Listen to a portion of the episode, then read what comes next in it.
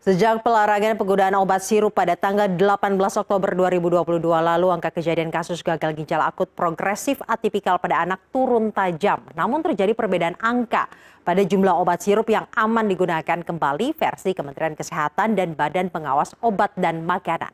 Data dari Kementerian Kesehatan pertanggal 3 November 2022 menyebutkan bahwa sejak akhir Agustus lalu telah terjadi 323 kasus gagal ginjal akut progresif atipikal pada anak di Indonesia. Lebih dari setengah jumlah penderita gagal ginjal akut pada anak atau sebanyak 150 penderita dilaporkan meninggal dunia. Saat ini sebanyak 34 penderita gagal ginjal akut pada anak masih dirawat di rumah sakit sedangkan 99 penderita sudah dinyatakan sembuh.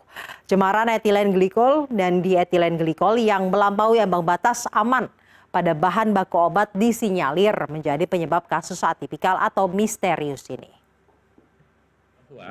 Obat antidotum atau antidot atau penawar gagal ginjal pada anak ini namanya injeksi pomefisol ya. Itu 87 persen adalah hibah gratis ya. Dan tidak ada komersialisasi. Dan semuanya ditanggung oleh pemerintah. Di luar hibah itu dan tidak ada yang membayar pada anak-anak eh, yang sedang dilakukan pemberian obat pomefisol.